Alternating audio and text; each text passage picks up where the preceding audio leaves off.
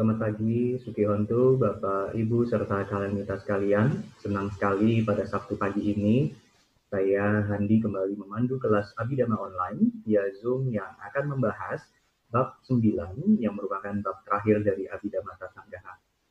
Semoga kita semua dalam kondisi sehat dan berbahagia, serta tetap semangat belajar dan mendengarkan Dhamma.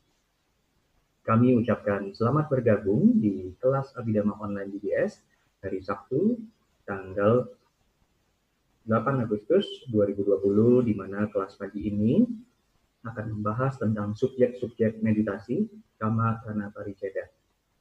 Senang sekali kita dapat berkumpul kembali untuk melakukan kebajikan dengan mendengarkan Dhamma Desana dari Asing Keminda bersama-sama. Sambil menunggu kalamita yang lainnya untuk turut bergabung bersama kita, kami akan membacakan beberapa pengumuman.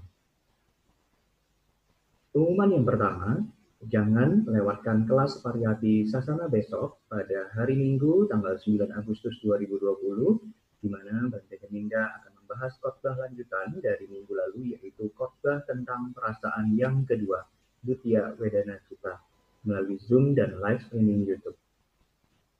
Selanjutnya, kami ingin informasikan bahwa DBS akan mengadakan acara live peluncuran buku manual Abhidhamma bab ke-7 volume pertama pada tanggal 20 Agustus 2020 via Zoom, di mana DBS akan memberikan buku ini secara gratis kepada kalian kita semuanya dengan cara yang pertama, daftarkan diri Anda dengan Google Form melalui tautan yang ada di layar Anda. Yang kedua, hadir dan join pada tanggal 20 Agustus melalui Zoom. Dan ini yang akan menerima buku secara gratis. Jadi pastikan untuk mendaftarkan serta uh, ikuti acara pada tanggal 20-nya. Selain mendapatkan buku ini, kami pun akan membagikan 7 paket buku manual Abhidhamma, bab 7 volume pertama ini beserta rupa muda yang di mana buku ini lebih spesial karena akan terdapat tanda tangan dan quote langsung dari Bante. Ya, caranya um, sangat mudah, Cukup dengan mengikuti acara peluncuran buku ini dan menjawab pertanyaan dari kami di tengah acara nanti. Kami akan memberikan kepada tujuh penjawab pertama yang benar. Jadi segera daftarkan diri Anda sekarang dan pastikan Anda mengikuti acara peluncuran buku ini melalui Zoom pada tanggal 20 Agustus nanti. Berikutnya, kami informasikan kembali bahwa akan segera terbit buku Manual Abhidhamma Bab 7 volume kedua lanjutan dari volume yang pertama dengan judul yang sama yaitu kategori-kategori yang menjelaskan 72 dhamma realitas hakiki yang terdiri dari aku aku salah sanggaha, misakasa sanggaha, pakya sanggaha, sabar sanggaha. Kami membuka kesempatan berdana kepada kalian semuanya dengan kode 23 batas akhir 25 Oktober 2020. Berikutnya, telah terbit buku 9 sifat Agung Buddha edisi kedua yang diperbaharui. Bagi kalian yang berminat bisa menghubungi Sekretariat BBS di 0813 8700 3600 atau memesan melalui tautan bit.ly garis miring BBS. Selanjutnya, DBS akan menerbitkan buku penjelasan Sutanta yang keempat yang berisi 10 suta dari Samyutta Nikaya. Kami bisa, eh, kami ke, tetap buka dukungan dana dengan kode 33 batas akhir 23 Agustus ini 2020. Jadi waktunya sudah eh, dekat ya batas akhirnya. Kemudian untuk buku studi Abhidhamma volume yang pertama karangan Yang Mulia Saya Dau Silananda dengan kode 53 batas akhir 20 September 2020. Dengan hadirnya DBS selama empat tahun ini, harapan kami manfaat dari kehadiran DBS dapat dirasakan seluruh umat Buddha di pelosok Nusantara. Jadi kami mengajak kalian bergabung dalam komunitas penyokong ajaran Buddha, Buddha Sasana Nugraha, dengan membantu mendanai operasional DBS. Dana rutin dapat ditransfer ke rekening yayasan DBS seperti yang ada di layar saat Kami juga memberikan kemudahan secara perdana untuk kalian kita semuanya dan seluruh keluarga dengan dana melalui GoPay, ya, di mana kode-kode yang uh, tertera di antaranya sebagai berikut 00 untuk operasional DBS, 01 untuk Sangga, 02 untuk pendidikan sama Nena dan saya lain, 03 untuk penerbitan buku, 04 08 Tawaradana, dan 10 untuk perpustakaan. Supaya tidak ketinggalan berita-berita DBS, mari bergabung dalam WA Grup Komunitas Buddha Sasana Muda DBS, di mana dapat diikuti dengan klik tautan yang ada di layar Anda saat ini, yang kami akan selalu informasikan berupa kegiatan-kegiatan yang akan dilakukan DBS, informasi buku-buku yang bisa Anda pesan, informasi penggalangan dana buku, dan lain-lainnya. Terakhir, jangan lupa untuk follow, subscribe, dan like YouTube, Facebook, dan Instagram DBS supaya tidak ketinggalan informasi kegiatan-kegiatan DBS lainnya. Demikian pengumuman dari kami. Selanjutnya, sebelum kami membuka acara pada hari ini, izinkan kami menjelaskan beberapa tata tertib selama kelas Abidama online ini supaya kelas dapat berlangsung dengan baik dan lancar. Yang pertama, kami harapkan kalian minta untuk berpakaian rapi dan sopan, mengambil posisi duduk di tempat yang layak dan tidak sambil berbaring, mengikuti rangkaian acara dengan penuh perhatian dan sukacita, dan tidak menyalakan TV atau sambil makan dan minum. Kami, host, berhak untuk mengendalikan audio dalam keadaan mute saat kelas berlangsung dan apabila peserta ada yang tidak mematuhi tata tertib dan berpotensi mengganggu jalannya kelas, maka dengan segala hormat akan kami keluarkan dari Zoom meeting kelas PS online ini. Untuk tata tertib sesi tanya jawab, bagi yang ingin bertanya, silakan klik tanda raise hand, di mana fitur ada di bagian participant apabila yang menggunakan komputer dan ada di bagian titik tiga bagi yang menggunakan handphone host yang akan menentukan siapa yang mendapatkan giliran untuk bertanya dan diharapkan pertanyaan sesuai dengan topik ceramah. Bagi yang diperbolehkan bertanya akan di-unmute oleh host. Kemudian kami meminta kalian kita untuk memperkenalkan diri dengan menyebutkan nama dan kota atau negara tempat domisili. Dikarenakan adanya keterbatasan waktu, maka harap maklum apabila tidak semua penanya akan mendapatkan giliran. Demikian tata tertib kelas ini. Selanjutnya kami akan mengundang Bante Keminda untuk bergabung dengan kita semua. Mari kita siapkan batin dan jasmani kita dengan penuh sukacita agar mendapat manfaat terbaik dari mendengarkan Dhamma Desana hari ini. Mari kalian minta semuanya kita beranjali sambil menyambut kehadiran Bante Keminda. Pandami Bante. Ya, Sukiho. Sukihoto semuanya. Selamat datang di kelas Abidama Online pada pagi hari ini. Untuk membuka kelas pagi ini, kita akan memulai dengan mengucapkan permohonan Pisarana dan Pancasila yang akan dipimpin oleh Saudara Yohendi. Kepada Saudara Yohendi, kami persilahkan. Baik, terima kasih Koko Andi. Wandami Bante. Iya. Untuk kalian minta, Mari sebelum kita memulai kelas Abidama pada pagi hari ini, kita mengucapkan permohonan Tisarana dan Pancasila kepada Asim Keminda.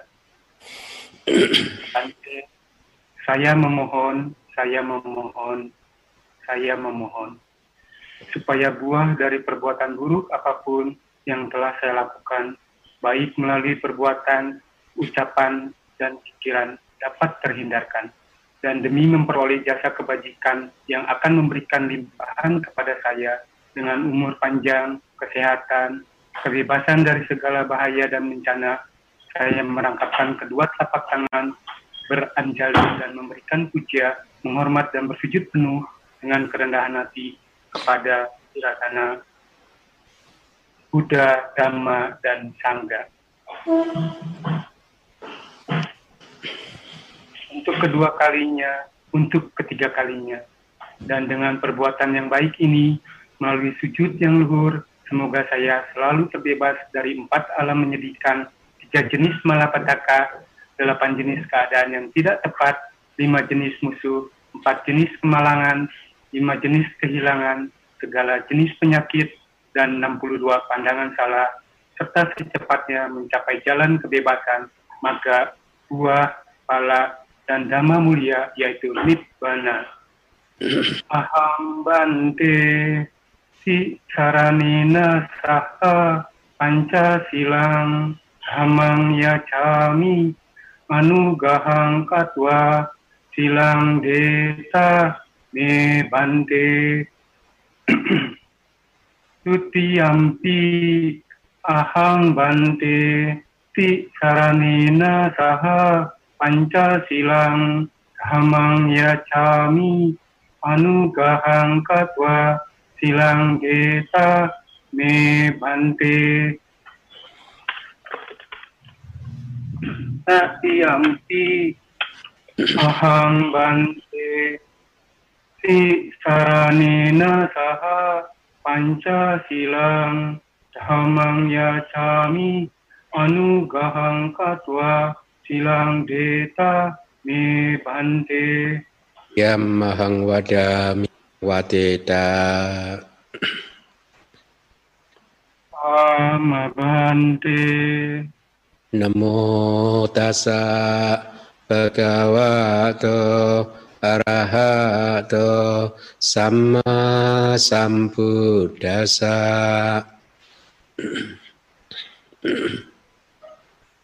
Namo tassa bhagavato arahato samma sambuddhassa Namo tassa bhagavato arahato sama sambuddhasa namo tassa bhagavato arahato sama sambuddhasa Buddhang saranang gacami Dhammam saranang gacami Sangham saranang gacami Buddhang saranang gacchami, dhammang saranang gacchami, sanghang saranang gacchami.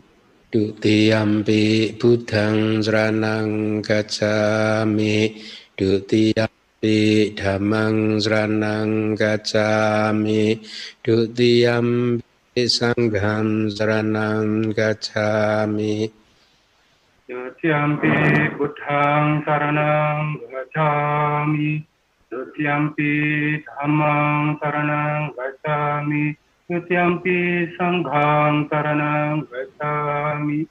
Tatiyampi Buddham saranang gacami Tatiyampi Dhammang saranang gacami Tatiyampi Sangham saranang gacami Satyampi buddhang saranang gacchami, Satyampi dhammang saranang gacchami, Satyampi sanghang saranang gacchami. Ti sarana kahanang paripunang. Amabante Anati pata Weramani sika padang samadhiyami Anatipata Veramani Sikkhapadang Samadhiyami Adinadana Weramani sika padang samadhiyami Adinadana Veramani Sikkhapadang Samadhiyami Kamesu micacara Weramani sika padang samadhiyami Kamesu Micacara Veramani Sikkhapadang Samadhiyami Musawada Weramani sika padang samadhiyami Awada Veramani Sikkhapadang Samadhiyami Surame raya majak pamadatana Weramani sika padang samadhiyami Surameraya Macha Pamadhatana Veramani Sikkhapadang Samadhiyami Idame punyang. Idang me punyang. Wakayang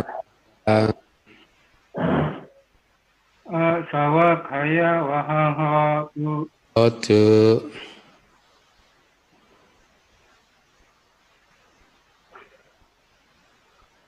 Ide silang. Idhame silang. Banasa panasa. Yo sayo otu odu Pranena saha Pancasila damang angkatwa pemadina sampatida amabhante sadu sadu sadu. Namo dana bante. Baik, uh, Sukihotu semuanya, semoga Anda semua dalam keadaan sehat, damai, dan bahagia.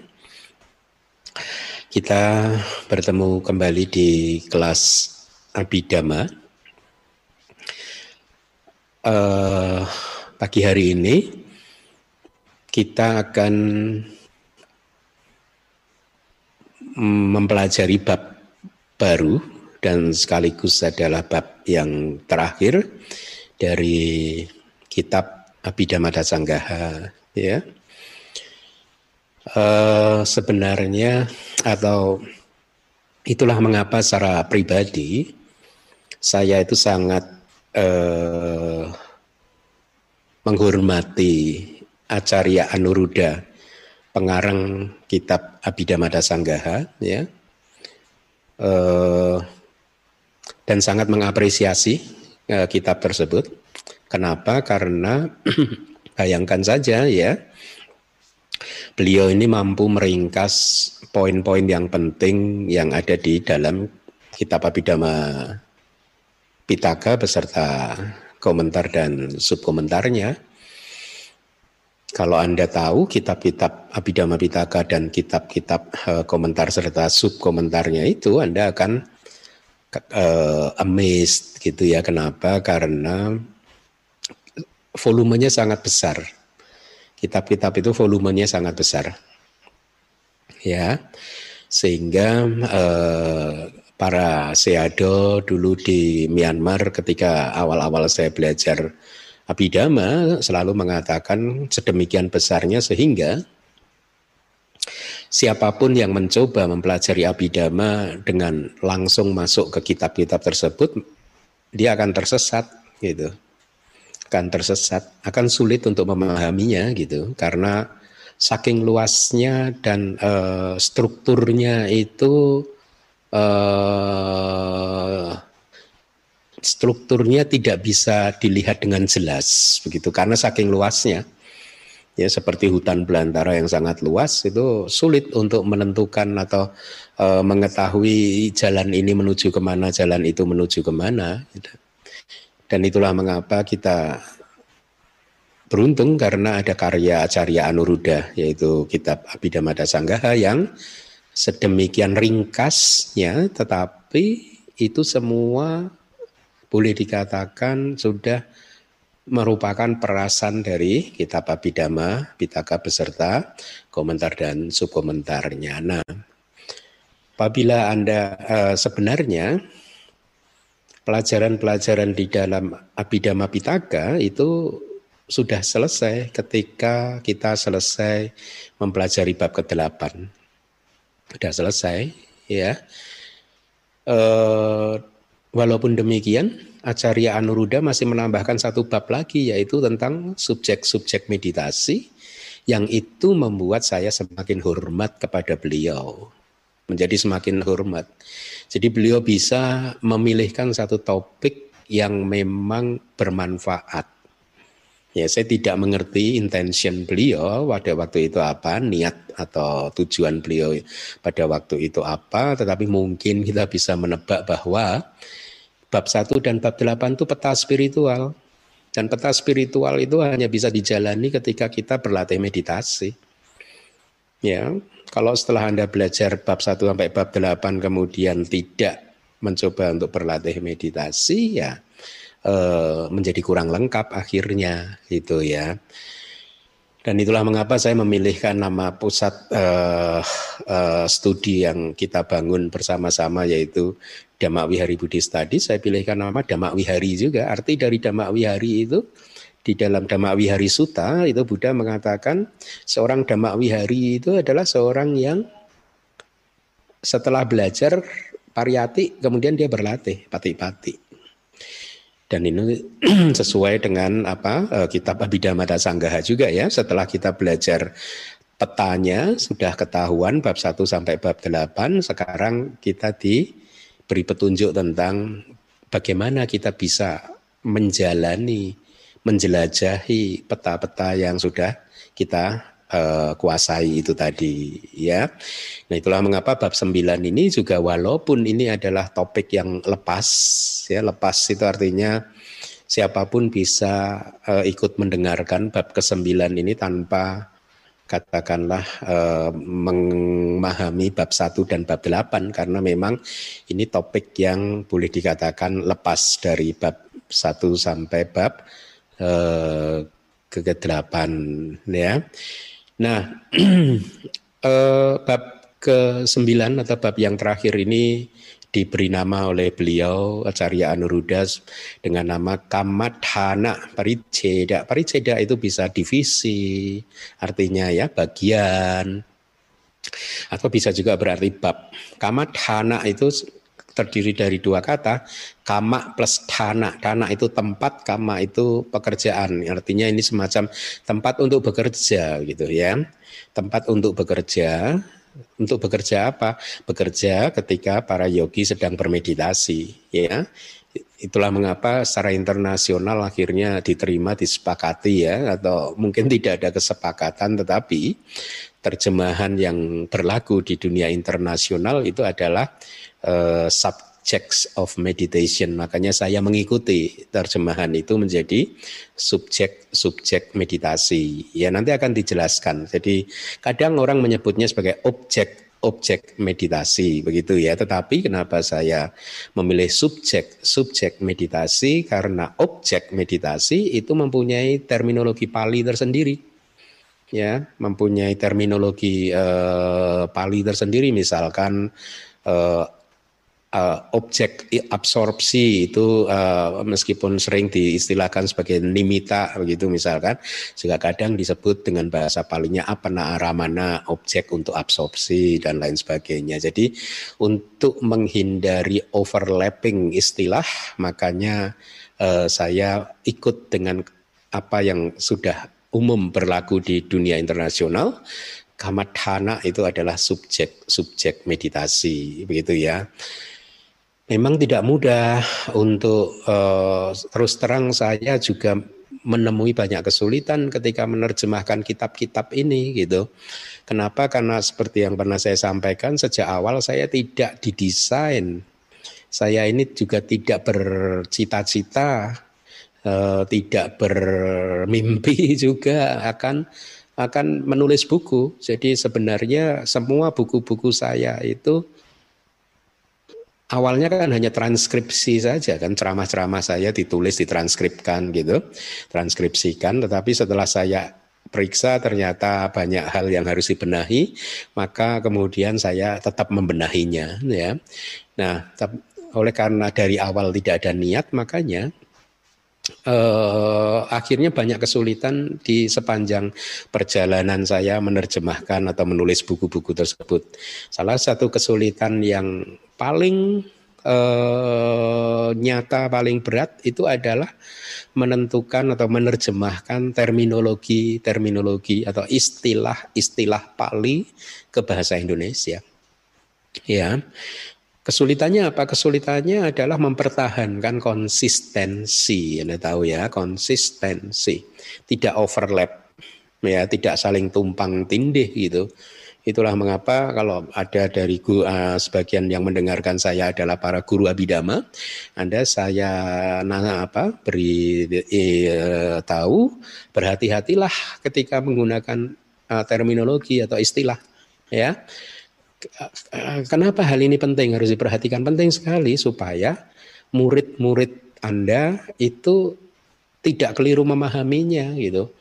atau nanti kebingungan karena istilah-istilah yang overlap ya istilah-istilah yang tidak konsisten itu ya makanya sering saya umpamakan menerjemahkan kitab Abhidhamma Dasanggaha ini seperti membangun gedung eh, bangunan bertingkat ada sembilan tingkat sembilan tingkat bab satu itu diibaratkan adalah tingkat pertama bab dua tingkat kedua bab tiga tingkat ketiga dan seterusnya gitu. Kalau kita di bab satu menggunakan istilah-istilah yang salah nanti akan kerepotan karena istilah-istilah di bab satu itu ditemui di bab kedua, ketiga, keempat, kelima, keenam, ketujuh, delapan, sembilan itu eh, sampai ke delapan ya itu ditemui terus. Sehingga kalau dari bab satunya istilahnya salah akhirnya kita akan kebingungan nanti di atasnya di tingkat yang atas akan kebingungan untuk memakai terminologi tersebut gitu ya. Dan kalau kita pun kebingungan maka muridnya pun juga kebingungan gitu ya. Nah, kebingungannya bagaimana? Biasanya saya mengatakan kepada murid-murid standar cara untuk menilai apakah Anda sudah benar mempelajari abidama atau bukan yaitu adalah coba Anda dengarkan ceramah-ceramah para siado di Myanmar. Kalau Anda sudah mulai bisa uh, mendengarkan, menikmati ceramah-ceramah para siado di Myanmar atau membaca buku-buku para siado di Myanmar, maka cara belajar abidama Anda sudah benar. Kenapa? Karena nyambung, udah nyambung. Tapi kalau Anda pun masih kesulitan uh, mengikuti ceramah-ceramah para seado, bu, membaca buku-buku seado, maka uh, berarti ada yang salah di dalam belajarnya. Ya, ada yang salah. Salah satu kesalahannya mungkin di inkonsistensi pemakaian istilah-istilah itu tadi. Makanya berhati-hati kalau menggunakan istilah-istilah karena di Indonesia juga saya masih sering melihat uh, pemakaian istilah-istilah uh, abidama itu secara dalam tanda kutip uh, sembrono begitu ya. Baik, itu prolognya. nah, mari kita lihat apa yang ada di dalam Abhidhamma Pitaka. Slide pertama, sama tak wipasana nang. Itu Anda ketemu dengan kata sama tak dan wipasana ya. Bawanam bawanang itu parang bawanang itu parang itu itu sejak dari parang itu selanjutnya. Jadi sejak dari sini dan selanjutnya pawak kami itu pawak kami itu berarti saya akan mengatakan duwi dampi dua jenis kamatanang subjek meditasi yata kamang secara berurutan gitu yaitu sama tak vipasananang bawanang yaitu bawananang uh, untuk uh, pengembangan batin bawana atau meditasi yang disebut samata dan wipasana ya uh, saya sudah sertakan terjemahannya sebenarnya yaitu selanjutnya dari sini itu saya akan menjelaskan dua jenis subjek meditasi untuk samata dan wipasana secara berurutan. Jadi kita sekarang mengenal bahwa uh, di dalam Buddhisme Buddha hanya mengajarkan uh, apa dua jenis meditasi yaitu meditasi samatha atau bhavana. Bhavana itu pengembangan cultivation juga bisa ya, pengolahan bisa, pengembangan bisa, tapi sering kali kita menggunakan istilah development rather than cultivation ya. Jadi pengembangan tetapi di sini yang dimaksud bawana adalah pengembangan batin gitu ya. Nah, mari kita lihat uh, penjelasan dari Wiba Winidika tolong ditampilkan. Itu uh, yang uh, next slide. Oh, adanya itu ya? Bukan berarti, maaf. Oke, okay. maaf. Ya sudah. Uh, jadi uh, penjelasan dari Wiba Winidika begini. Itu, itu, itu dari sini, gitu. Artinya sejak dari penjelasan analitis tentang uh, pacaya. Jadi sejak selesainya bab 8 maksudnya begitu. Uh, kemudian parang dan selanjutnya gitu akan dibahas dua subjek meditasi gitu ya. Nah, Wibawi ini memberikan definisi samata. Kita sering mendengar samata kan istilah meditasi samata ya. Nah, sekarang Wibawi Nidika memberikan definisinya yaitu Uh, ni warananang samanatena samata sangkhatang sangkhatanang ya ni warananang ni warananang samana tena disebut sebagai samata itu dalam arti samanat. Samanat itu kayak penindihan. Penindihan atau penekanan, ditekan begitu. Ada ada suatu uh, usaha untuk menekan ya penindihan gitu ya penekanan niwarananang rintangan rintangan batin itu definisinya jadi saya ulangi lagi definisi dari samata Nah, istilah samata adalah niwarananang samanatena samata sangkatanang disebut sebagai samata itu dalam artian uh, sebagai penindihan atau menekan, penekanan gitu ya. eh, rintangan-rintangan batin. Ya, jadi berupaya untuk menindih, menindih itu menimpa, menimpa kayak rumput ditimpa oleh batu begitu dengan tujuan supaya rumputnya tidak tumbuh gitu. Nah, Uh, saat, uh, kalau diibaratkan niwarana atau rintangan-rintangan batin itu seperti rumput, dia ini sangat merusak uh, batin kita. Padahal kita ingin cultivate ingin mengolah mengolah ladang batin kita. Tapi kalau ladang batin kita ini masih banyak rumput maka eh, ladangnya juga tanaman yang ditanam di ladang tidak akan bisa tumbuh oleh karena itu di dalam pengembangan batin atau pengolahan ladang batin ini rumput liar rumput liarnya harus di tekan dulu begitu ya. Nah ditindih kalau istilahnya ditekan dulu, ditindih dengan bayangkan rumput ditimpa dengan batu, maka rumput tersebut akan tertindih, tertimpa sehingga dia tidak bisa muncul lagi untuk sementara waktu ya. Jadi kekuatan konsentrasi itu diibaratkan seperti batu itu tadi, ya, batu yang menindih di warana. Ketika batunya dilepas, maka rumputnya akan muncul lagi. Ketika konsentrasinya hilang lagi, ya pencapaian konsentrasinya hilang, maka niwarananya akan muncul lagi. Nah, itu adalah uh, definisi untuk samata. Lalu definisi untuk wipasana apa? Definisi untuk wipasana uh, diberikan oleh Wibawinidika itu begini, anicca di anicca di berarti anicca dan lain-lain.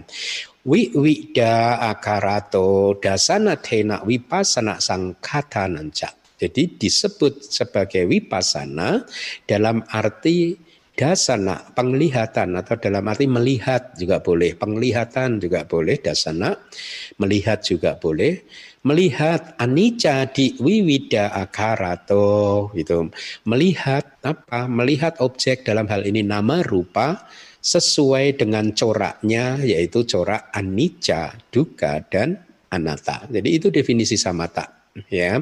Jadi kalau meditasi eh sorry wipasana, kalau meditasi samata tadi tujuannya adalah atau dalam artian penindihan niwarana, kalau wipasana itu dalam artian eh, melihat nama rupa sesuai dengan corak anicca, duka dan anatta. Arti dari kata wipasana sendiri itu ter, uh, ada awalan wi plus pasana. Pasana itu kata benda uh, untuk pasati ya melihat gitu ya. Maka pasana itu adalah penglihatan. Wi itu jernih. Jadi penglihatan yang jernih gitu ya penglihatan yang terang benderang gitu. Oleh karena itu sering disebut sebagai pandangan terang begitu ya. Nah, jadi eh, meskipun saya tidak memakai istilah itu sebagai, eh, sebagai atau mem, tidak memakai pandangan terang sebagai terjemahan untuk wipasana ya. Tapi di Indonesia sering dipakai itu ya.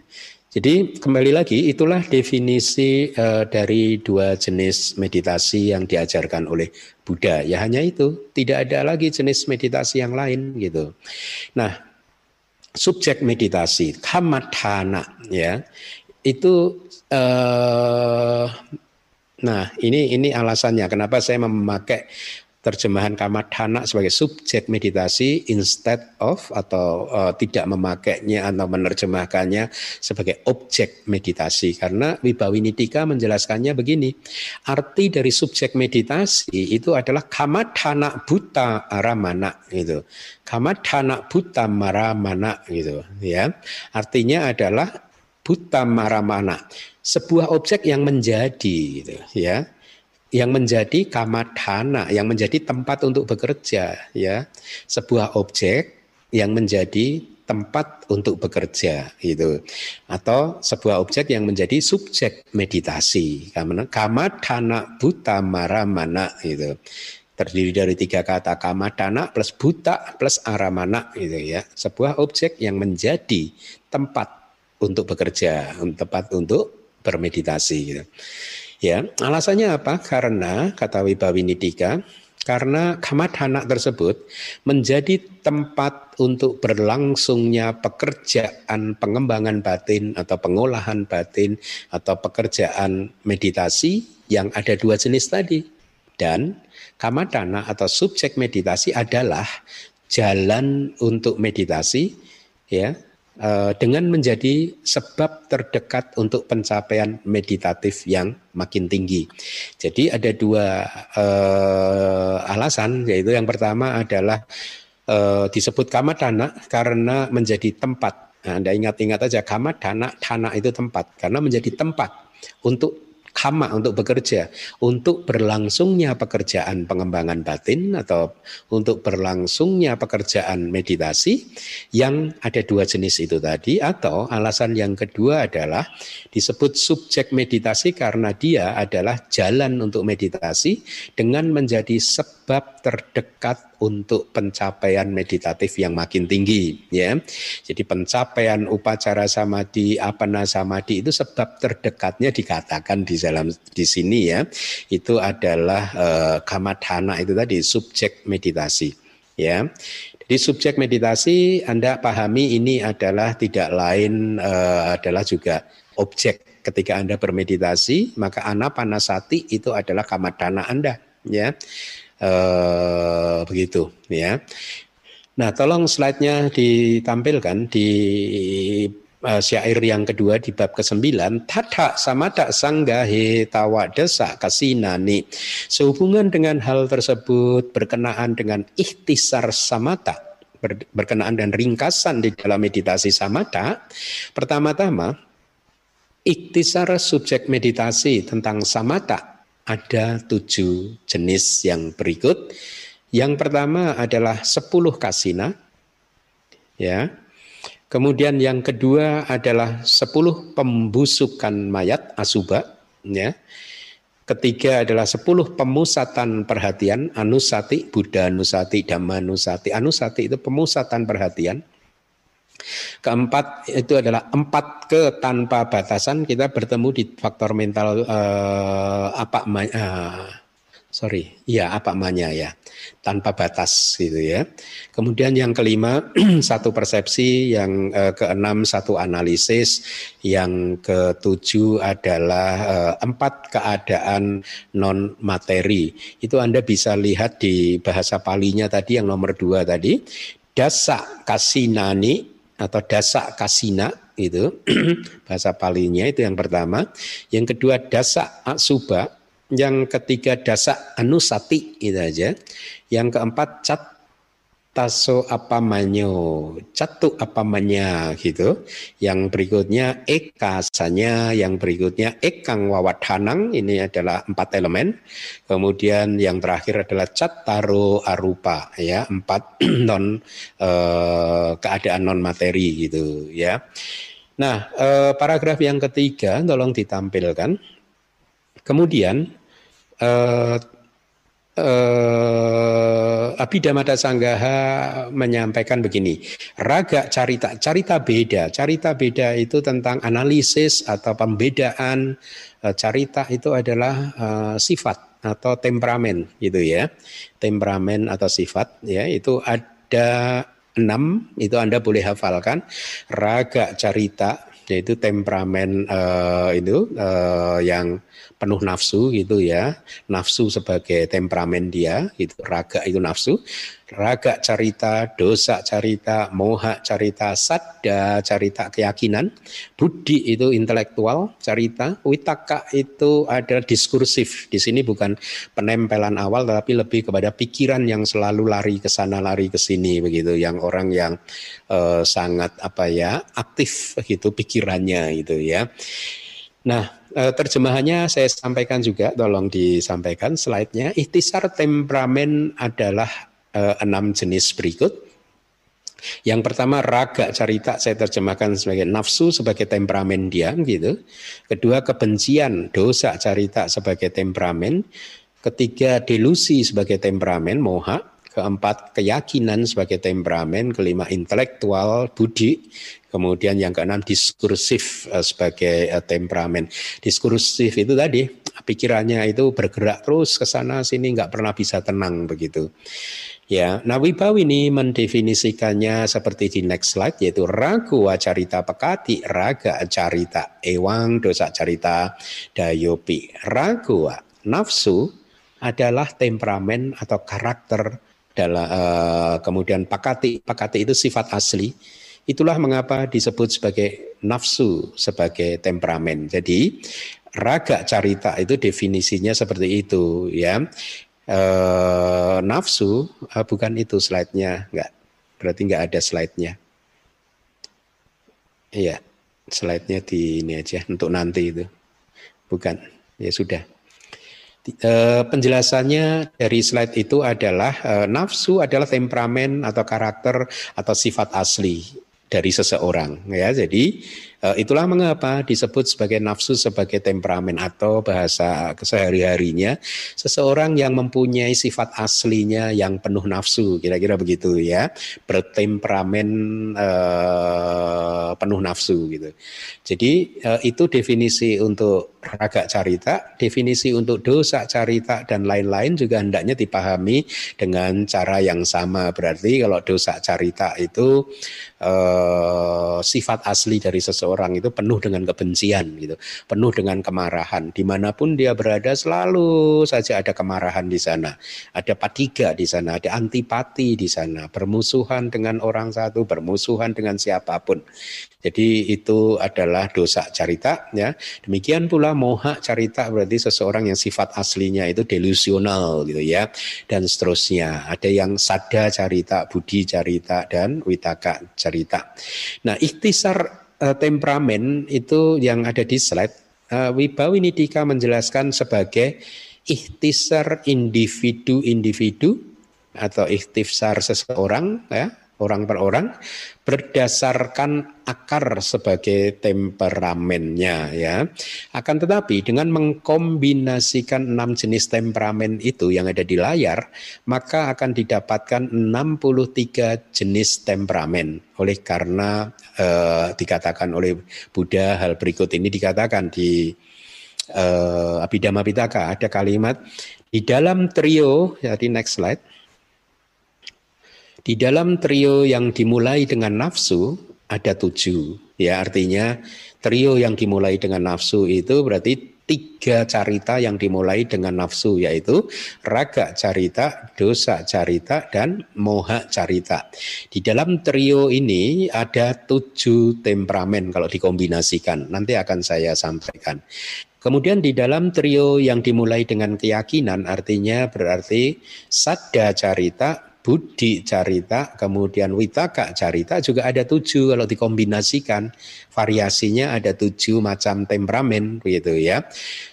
E, kemudian di dalam pengambilan satu, dua dan tiga akar, e, dalam pengambilan satu akar atau dua akar atau tiga akar sebagai basis analisisnya dan pencampuran dari ketiganya itu tadi e, didapatkan juga tujuh hepta. Hepta itu adalah satu kelompok yang terdiri dari tujuh. Berarti hepta itu satu kelompok terdiri dari tujuh, ada tujuh hepta, berarti ada 49 ya 49 begitu ya. Nah, mari kita uh, uh, saya sampaikan uh, dari Wibawinidikanya next slide mungkin ada ya. Ya, itu raga carita, dosa carita, moha carita. Itu analisisnya tujuh itu begitu. Lihat perhatikan itu ya raga carita, dosa carita, moha carita, kemudian di merge, digabung. Ada orang yang punya sifat di samping nafsunya besar, kebenciannya juga besar. Maka orang seperti ini adalah raga dosa carita. Ada juga yang berikutnya orang yang nafs seseorang yang sifatnya itu nafsunya besar tapi delusional, penuh dengan delusi, penuh dengan khayalan, maka dia ini dikatakan raga moha carita, ya. Sementara orang yang ke enam ya itu adalah dosa moha carita, campuran antara dosa dan moha yang dominan ini maksudnya ya, yang dominan, yang sifatnya itu berlebihan. E, mungkin dalam konteks yang berbeda di buku manual Abidama 1 saya pernah membahas ini juga ya di bab ukitana. Ukitana itu uh, uh, uh, sifat-sifat atau faktor mental yang berlebihan gitu ya Kemudian yang ketujuh adalah orang yang uh, tiga akar ini ada semua dan kuat semua, dominan semua yaitu raga, dosa, moha, carita. Raga itu sebenarnya nama lain dari loba ya, tapi di sini lebih dibatasi sebagai karena keserakahan itu loba itu kan luas, tapi di sini dibahas di, di, dibatasi hanya raga. Raga itu nafsu, e, nafsu indri, e, nafsu jasmaniyah itu ya. Nafsu ragawi ya. Ketika, uh, nafsu seperti laki-laki menyukai lawan jenisnya atau perempuan menyukai lawan jenisnya lebih ke ke ke sana begitu ya arti dari raga itu. Itulah eh, raga di ketike satakam ekang inilah satu hepa yang uh, berasal dari trio yang dimulai dengan raga ya. Nah, jadi tujuh temperamen tadi didapat dengan mengkombinasikan tiga uh, temperamen yang uh, pertama ya. Uh, kita sudah dapat tujuh uh, temperamen, tujuh jenis uh, temperamen gitu. Next slide. Tatha sadda carita budi carita witaka carita Sada Budi Carita digabung dua, kemudian Sada Budi Witaka Carita digabung tiga-tiganya, kemudian Budi Witaka Carita ya. Kemudian Sada Budi Witaka ha? Ha? Sada itu empat enam Sada kok ada lagi Sada Budi Witaka Carita kok ada dua hmm Sada carita, budi carita, witaka carita. Kemudian sada budi carita, sada budi witaka carita, budi witaka carita, sada budi witaka carita. Ini salah, salah ya? Sama ya, antara itu ada yang sama ya, baris ketiga dan baris ke eh, terakhir itu ada yang sama ya. Coba kita lihat ya. Hmm? Jadi itu sama dengan yang tadi. Caranya sama dengan yang tadi sih sadak carita, budi carita, witaka carita. Kemudian sadak budi carita, kemudian sadak budi witaka carita, budi witaka carita. Hmm. hmm? Maaf Bante, mungkin yang baris ketiga itu sepertinya budinya dihapus ya, jadi sada witaka carita. Budinya kenapa? Uh, budinya dihilangkan sepertinya, sada witaka carita. Karena itu yang belum ada sih. Uh, sada, oh iya budinya, ya enggak maksud saya biasanya saya copy paste dari kitab, tidak dari tidak saya tulis sendiri begitu. Oh. Kenapa bisa begitu kitabnya rak? Uh,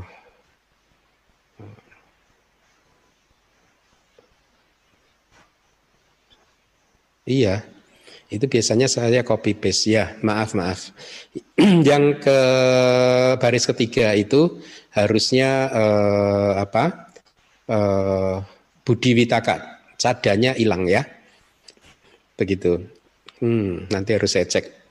Harusnya Wibawi. Saya biasanya kopas sih. Jadi udah paham ya, benar. Terima kasih Pak Handi. Ya terima kasih. Itu uh, kita dari kombinasi tiga temperamen trio yang berikutnya didapatkan juga tujuh jenis carita atau temperamen.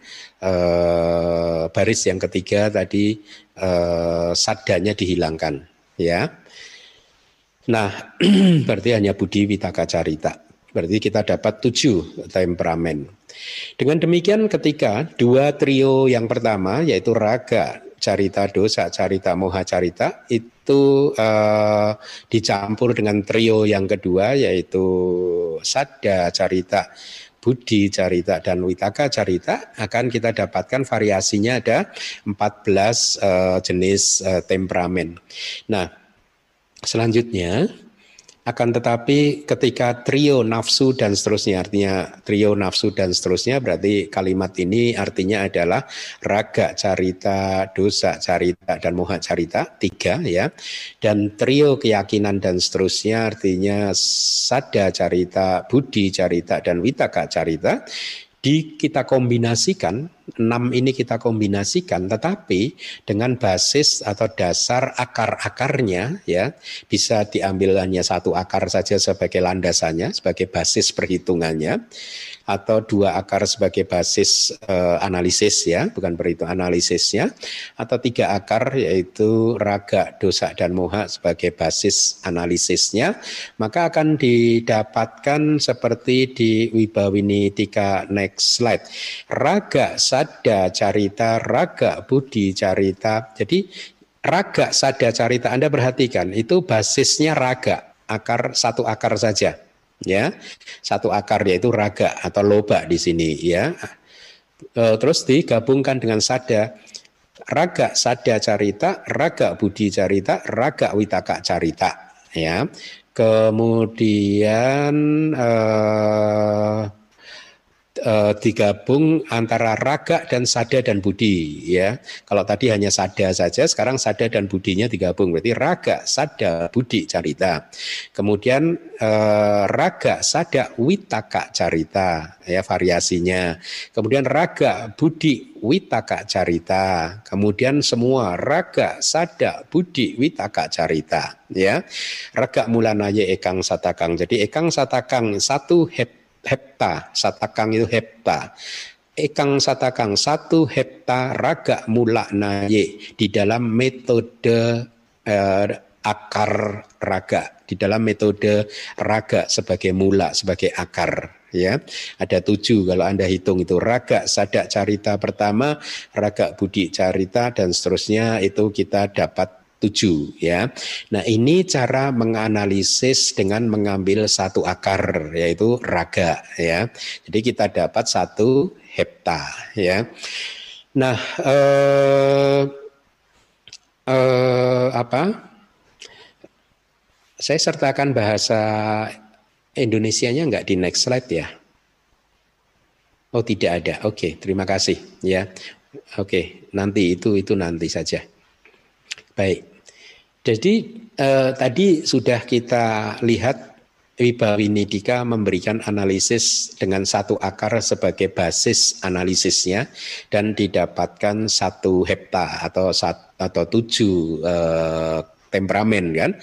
Maka uh, Wibawini hanya selesai di sana. Beliau mengatakan uh, autornya pengarangnya penulisnya mengatakan dengan cara yang sama. Jadi kita anda harus mengkombinasikan uh, dengan mengambil akar yang berikutnya sebagai basis analisis yaitu dosa carita akarnya dosa kan.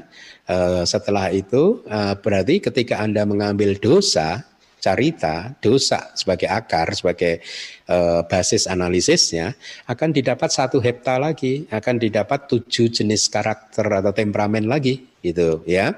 Kemudian ketika Anda ambil moha sebagai basisnya, juga akan didapat tujuh hepta lagi, eh, tujuh jenis eh, temperamen lagi, satu hepta lagi, berarti sudah ada tiga hepta ya. Nah, kemudian Wibawini eh, apa? Eh, kok kok satu hepta? Maaf, tuh tiga ya, tiga hepta maksud saya begitu.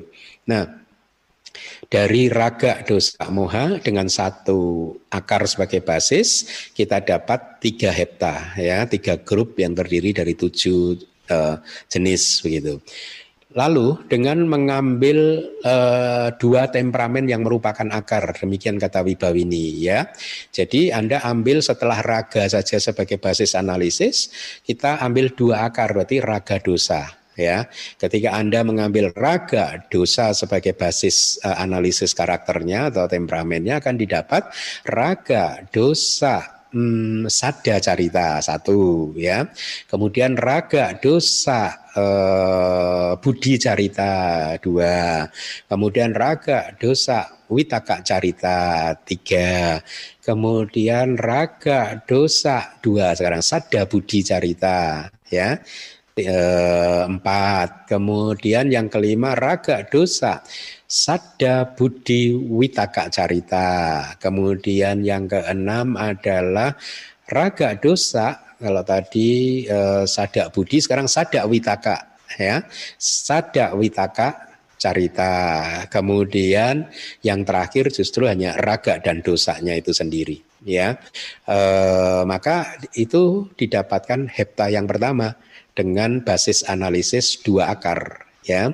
Saya ulangi, raga dosa sebagai basis basis analisisnya. Berarti yang pertama ya raga dosa carita itu sendiri aja kita tempatkan di depan ya. Habis itu Anda gabungkan satu persatu, satu-satu yaitu raga dosa sada carita dua. Kemudian raga dosa budi carita. Kemudian yang keempat raga dosa witaka carita. Sekarang sada dan budi digabung. Berarti yang kelima, raga dosa sada budi. Yang keenam, raga dosa sada budi witaka. Ya, yang ketujuh, raga dosa eh, sada dan witaka. Ya, sada witaka carita. Ya, jadi didapat tujuh lagi, satu hepta lagi ya. Nah, eh, kemudian Anda juga bisa mengkombinasikan dua akar yang berikutnya lagi, yaitu kalau tadi raga dan dosa, maka sekarang raga dan moha, ya, dengan logika atau cara yang sama untuk mendapatkan tujuh lagi, gitu. Setelah itu Anda gabungkan dua akar yang berikutnya, yaitu dosa dan moha, gitu. Dengan demikian dari dua akar sebagai basis analisisnya kita juga mendapatkan tiga hepta lagi ya tiga hepta lagi ya. Nah eh, itu adalah dua akar. Lalu yang berikutnya adalah dengan memakai atau menggunakan tiga akar sebagai basis analisisnya yaitu raga, dosa dan moha gitu ya.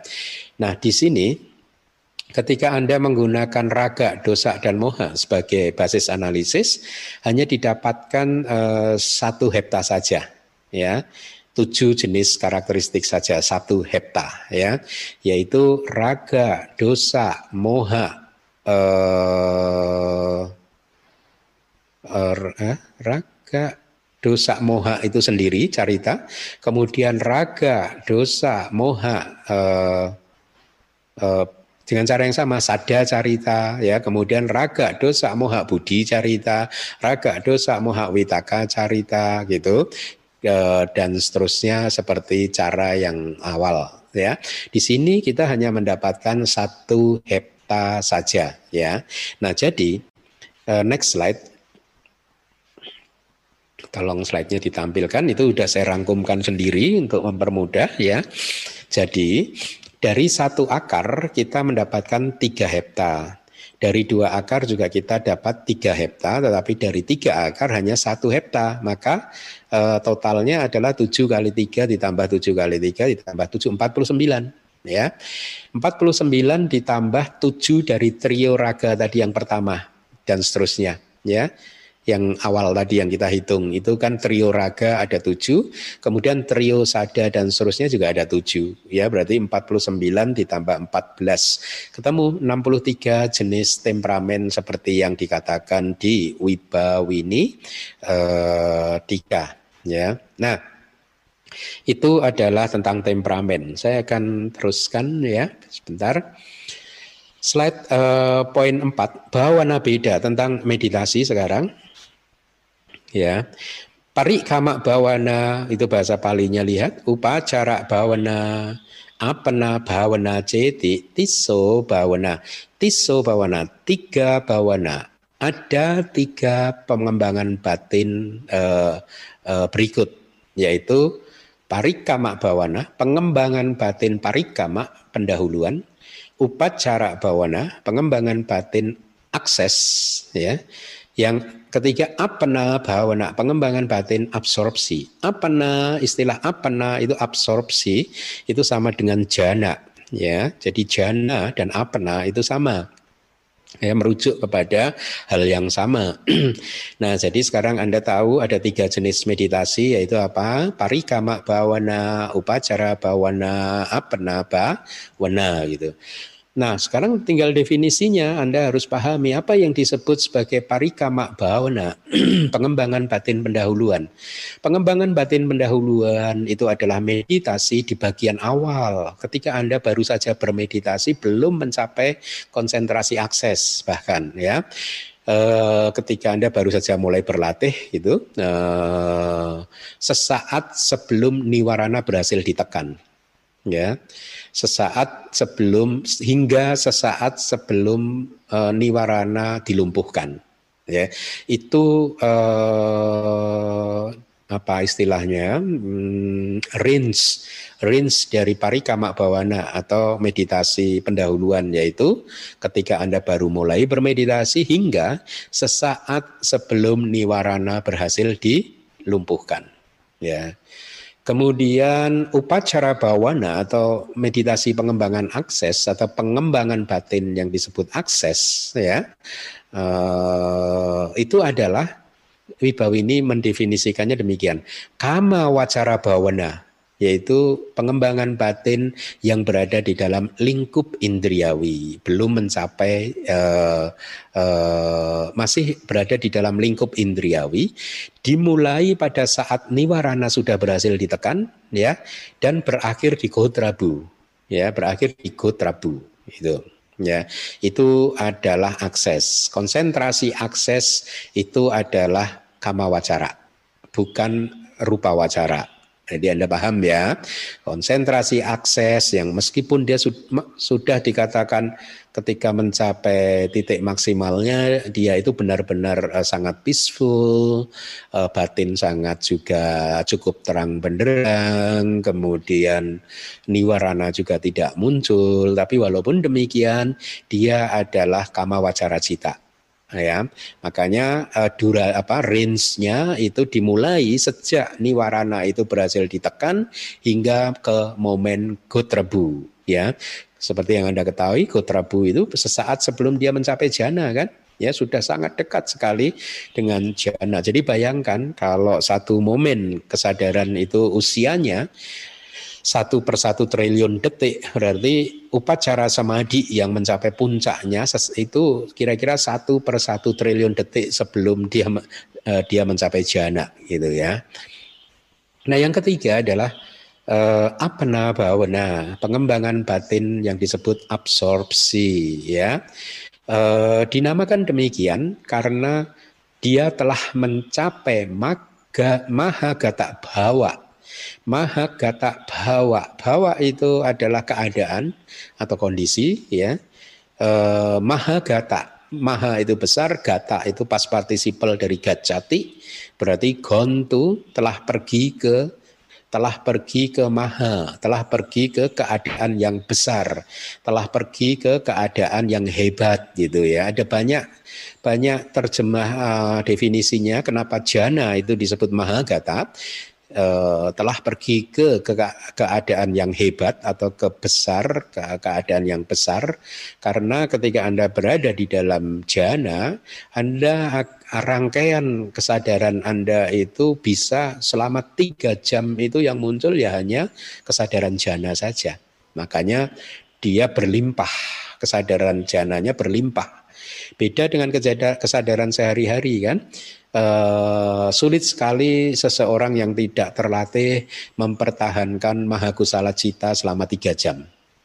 Artinya itu bukannya mahakusala citanya tiga jam nggak lenyap-lenyap, tetapi selama tiga jam itu mahagata cita, katakanlah mahagata cita yang pertama atau dari delapan mahagata cita bervariasi itu muncul lenyap, muncul lenyap, muncul lenyap tanpa disela oleh akusala cita Kan sulit kan? Ya, tetapi ketika Anda mencapai jana, itu sangat dimungkinkan selama satu jam kesadaran jana muncul lenyap tanpa pernah disela oleh kesadaran kama wacara.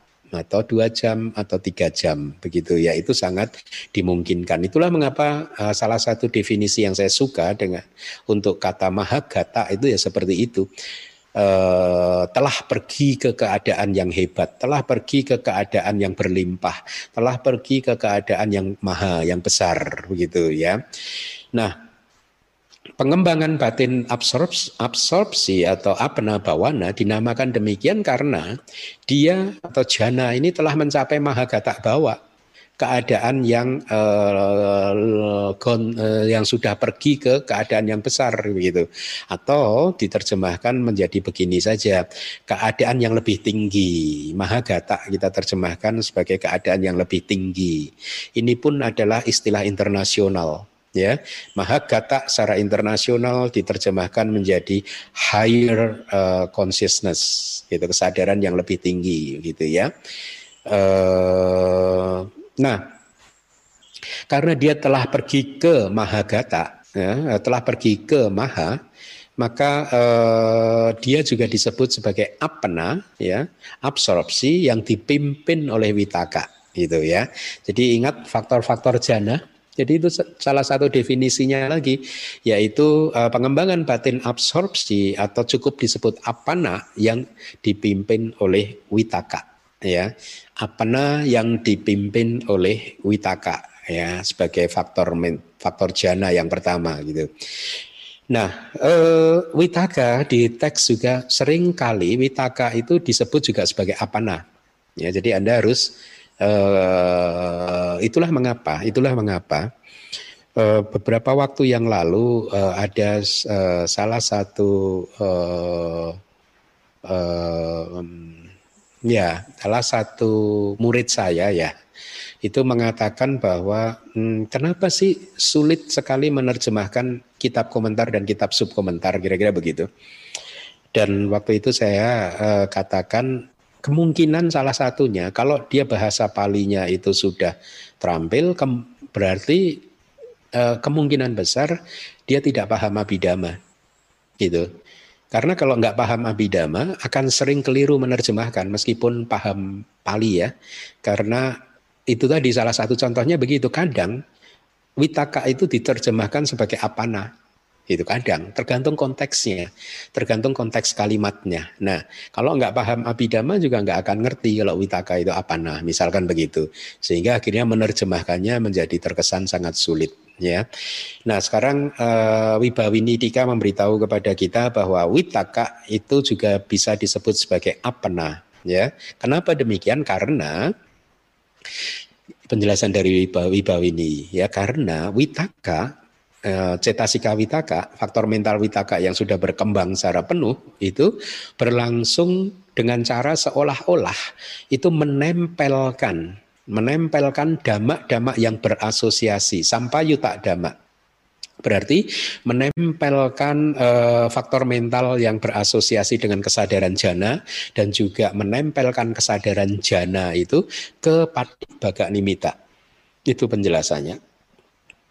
Ya, karena ketika seseorang baru mencapai jana, dia pasti mencapai jana yang pertama itu dikatakan witaka inilah yang seolah-olah itu coraknya, perilakunya itu seperti menempelkan semua sampayuta dhamma, artinya sampayuta dhamma berarti cetasika yang muncul bersama dengan witaka itu sendiri dan juga cita eh, jana citanya atau kesadaran jananya itu diajak oleh Witaka dan ditempelkan ke Padik Baga Nimita. Ya, e, Padik Baga Nimita itu Padik Baga itu tanda yang e, serupa ya. Itulah mengapa Witaka itu dijelaskan dalam makna sebagai itu kata e, Wibawini dan ini kayaknya di di di kitab ter, kitab komentar dari Abhidhamma Witaka. Witaka Nah, mungkin di Damasanggani. Witaka itu juga disebut apena dan biapena bahasa palinya. Apena itu absorpsi tadi, biapena, biapena berarti apena tadi ditambah B dan Y.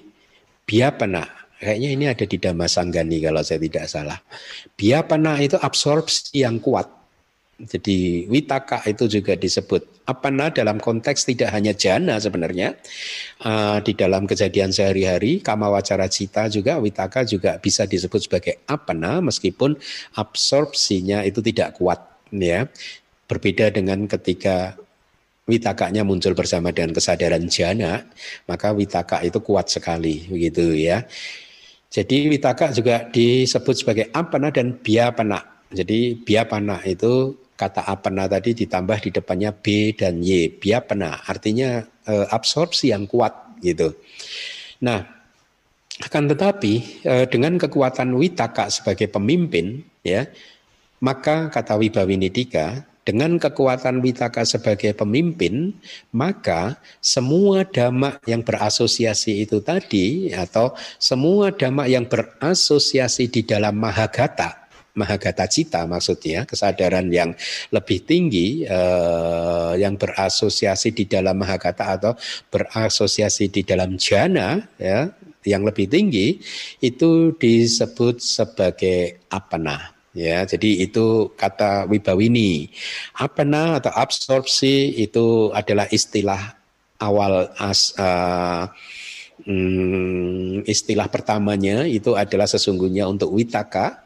Tetapi kemudian Wibawi Nidika juga menjelaskan bahwa semua dhamma yang berasosiasi di dalam Mahagata atau jana-jana yang mana pun begitu ya, eh, yang lebih tinggi yang mana pun itu juga disebut sebagai apana. Jadi istilah apana tidak dibatasi hanya untuk witaka saja akhirnya, tapi juga me, apa, Eh, dipakai atau sebagai istilah untuk semua cita, jana cita dan juga faktor mental yang berasosiasi dengan jana cita kecuali witaka. Itu juga disebut sebagai pena atau absorpsi. Baik, uh, saya rasa uh, demikian kelas pertama untuk bab ke-9 pagi hari ini ya. Semoga penjelasan pagi hari ini bermanfaat untuk Anda semua. Terima kasih. Sadu, sadu, sadu. Terima kasih Bante atas penjelasan kepada kami pagi ini. Selanjutnya kita akan memasuki sesi tanya jawab. Untuk itu kami akan kembali bacakan tata tertib dari sesi tanya jawab ini. Bagi kalian yang ingin bertanya, silahkan klik tanda raise hand di fitur bagian partisipan apabila yang menggunakan komputer dan ada di bagian titik tiga bagi yang menggunakan handphone. Host yang akan menentukan siapa yang mendapatkan giliran untuk bertanya dan diharapkan pertanyaan sesuai dengan topik ceramah. Bagi kalian kita yang diperbolehkan untuk bertanya akan di-unmute oleh host dan kami harapkan untuk memperkenalkan diri dengan menyebutkan nama, dan kota atau negara tempat domisili. Dikarenakan adanya keterbatasan waktu, maka harap maklum apabila tidak semua penanya akan mendapatkan giliran. Agar memberikan kesempatan kepada semua kalian kita yang ingin bertanya, kami mohon agar masing-masing penanya hanya mengajukan satu pertanyaan terlebih dahulu. Apakah sudah ada yang raise Oke, baik. Kesempatan pertama kami berikan kepada Saudari Ermawati. Kami persilahkan untuk bertanya. Nama budaya Bante, nama saya Ermawati dari Palembang. Nah, saya ingin bertanya tentang istilah pada budi, pada witaka, budi witaka. Itu yang kita amati itu yang budi itu yang gimana Bante? Pada budi, pada witaka. Terima kasih Bante. Kombinasi itu maksud saya waktu meditasi yang kita ini kan tekankan itu apa saja? Terima kasih. Hmm, uh, suara Anda agak terputus-putus. Mudah-mudahan saya bisa menangkap pertanyaan Anda dengan jelas ya. Carita tadi tidak uh, tidak berkait dengan meditasi, uh, tidak uh, carita itu perilaku, sifat, tabiat, tabiat, watak, karakter atau temperamen ya. Jadi ada seseorang yang sifatnya itu ada kan seseorang itu uh, saya banyak mempunyai teman yang mempunyai sifat itu sada carita yaitu keyakinannya besar sekali. Banyak banyak teman-teman saya di Myanmar itu yang keyakinannya sangat kuat sekali. Itu kira-kira begitu. Jadi kalau seseorang mempunyai karakter watak sifat sadda carita itu dia mempunyai keyakinan yang cukup tinggi, cukup besar ya. Bagus sekali. Kalau yang budi carita itu dia sangat intelektual ya. Orangnya itu sangat intelek sangat intelek begitu istilahnya ya. Eh, eh, sangat nah, cerdas, sangat apa kemampuan logikanya bagus, eh, kemampuan berpikirnya bagus, itu budi. Kemudian sadar budi witaka, witaka itu diskursif, diskursif itu pikirannya itu lari ke sana, lari ke sini terus gitu. Dia kalau berbicara itu tidak bisa uh, uh, berhenti di satu topik gitu ya. Dia akan selalu saja ada ini topiknya gitu ya. Mungkin mungkin bahasa sehari harinya kayak ceriwis begitu ya uh, jadi ke sana sini ceriwis omongnya ini omong itu itu itu gitu. Banyak ada aja yang diomongin begitu. Itu diskursif ya. Jadi uh, lari ke sana lari ke sini gitu. Uh, kalau raga, dosa dan moha saya rasa jelas. Nah kalau kombinasi dari ketiganya tadi misalkan seseorang yang mempunyai sifat uh, raga dan dosa misalkan sesungguhnya sesungguhnya uh, di kitab komentar dari Damasanggani itu dikatakan begini uh, sesungguhnya tidak ada seseorang yang hanya mempunyai misalkan raga carita itu berarti sifatnya penuh nafsu. Enggak. Sebenarnya dia punya dosa juga punya kebencian punya delusi misalkan ya. Atau punya sada juga punya budi punya witaga juga punya.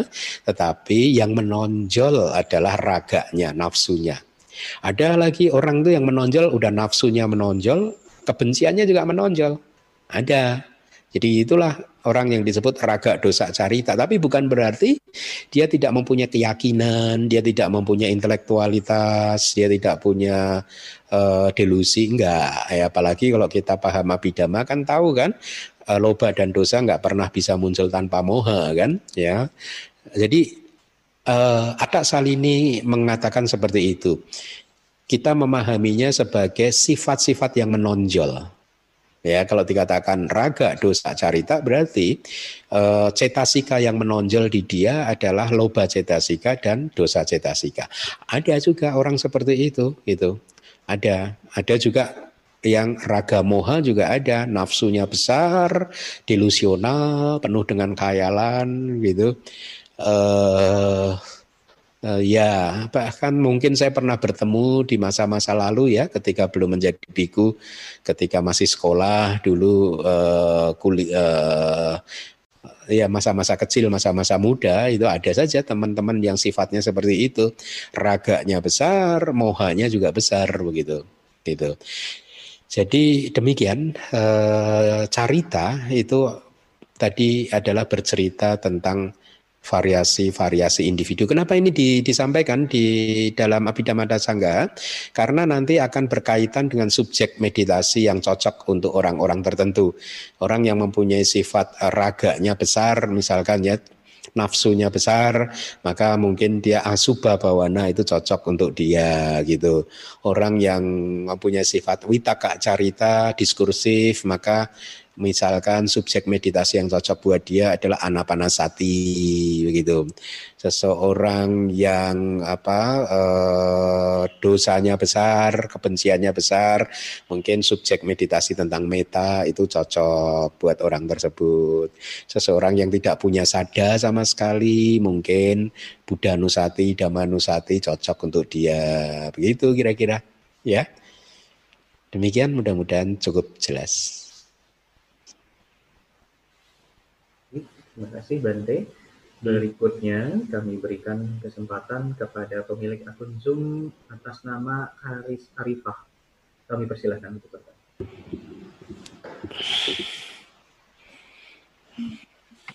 Salam hormat Bante. Iya.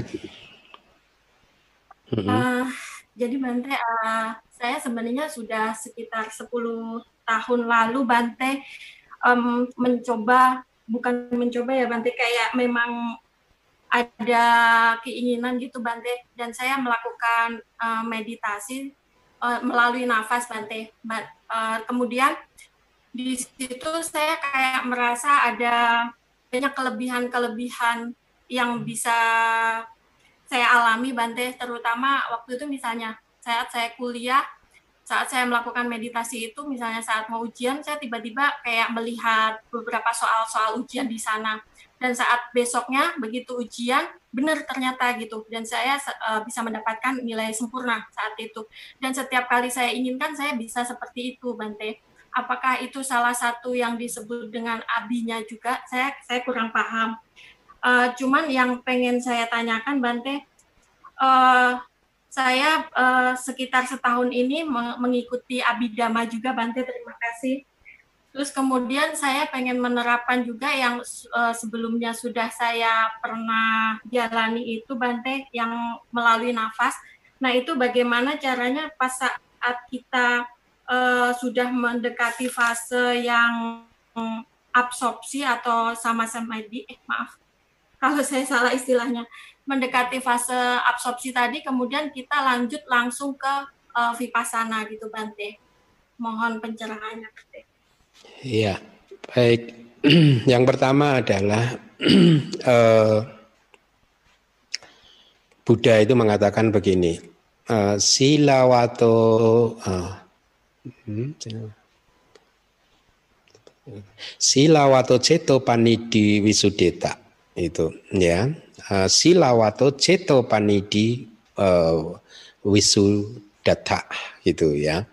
Wahai uh, bikawe, wahai padaku uh, seseorang yang memiliki sila yang baik begitu ceto panidi jadi kayak keinginan aspirasi dari batin apa yang ada di dalam itu akan uh, uh, terpenuhi karena wisudata karena uh, karena kemurnian dari batin dari orang uh, karena kemurnian batin itu sendiri.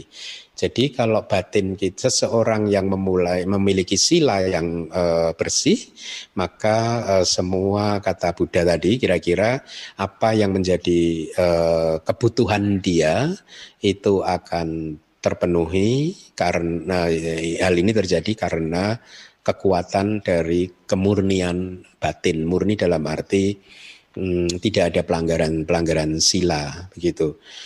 Nah, eh, kira-kira seperti itu. Eh, saya menduganya apa yang saya sampaikan itu, eh, apa yang Anda sampaikan tadi, itu berkaitan dengan hal tersebut, ya. Tetapi bukan berarti itu abinya sih. Saya rasa bukan abinya. Kenapa? Kalau abinya itu bisa setiap saat digunakan. Kalau kita sudah terampil dengan abinya, itu bisa setiap saat digunakan. Tetapi kalau itu adalah berkaitan dengan kemurnian batin, batin yang bersih karena silanya bersih, itu memang ya seperti itu gitu. Kadang Anda berpikir oh, oh ini siang hari panas ya, enak nih kalau ada uh, misalkan jus jeruk begitu. Eh tiba-tiba tidak lama kemudian ada orang dana jus jeruk gitu atau anda mungkin berpikir tentang sesuatu ah kalau hmm, saya seperti ini ya nah alangkah baik kalau dalam kondisi seperti ini ada Misalkan nih, misalkan ada uang sekian besar misalkan. Itu bisa aja tiba-tiba tidak lama, entah sekian jam berikutnya, entah besoknya gitu. Ada orang yang mengantarkan uang kepada Anda. Jadi cerita-cerita seperti itu sangat umum sangat umum dan di kalangan biku itu bukan sesuatu yang istimewa karena Ya, uh, tidak terlalu mengistimewakan kejadian-kejadian tersebut ya. Tapi kita cukup memahami ya memang itu efek dari batin yang bersih seperti itu. Tapi kan uh, apa Hmm, bahkan di kalangan biku kadang batin pun juga tidak bersih kadang ya bisa saja batin itu tidak bersih jadi itulah mengapa kemampuan-kemampuan seperti itu Kalau dia tidak bisa diterapkan sesuai dengan keinginan kita, maka itu bukan abinya. Jadi kalau abinya dan itu sudah kita kuasai, ada Anda sudah menguasai apinya tersebut, Anda bisa menggunakannya sewaktu-waktu gitu. Atau juga kalau keterampilan-keterampilan yang lain, misalkan ada seseorang yang bisa membaca pikiran orang lain gitu, tetapi kemampuan itu muncul hanya sewaktu-waktu saja, uh, tidak bisa setiap waktu dia dia inginkan, maka bisa jadi itu muncul dari kemampuan dia di kehidupan-kehidupan yang lampau ya. Jadi yang membedakan Eh, kemampuan-kemampuan dari kehidupan yang lampau atau mungkin dari sila yang bersih itu tadi dengan abinya di sisi yang lain itu adalah seperti itu. Kalau itu sudah menjadi abinya, Anda kuasai abinya tersebut, Anda bisa, bisa menggunakannya setiap kali Anda uh, menginginkannya begitu. Itu yang pertama. Yang kedua tentang meditasi. Ketika konsentrasi benar itu sudah muncul, ada banyak cabang wipasana. Ya, ada banyak cabang wipasana. Cabang pertama adalah yang mengamati rupa terlebih dahulu, ya, materi terlebih dahulu dengan cara eh, mohon maaf ya. mohon maaf.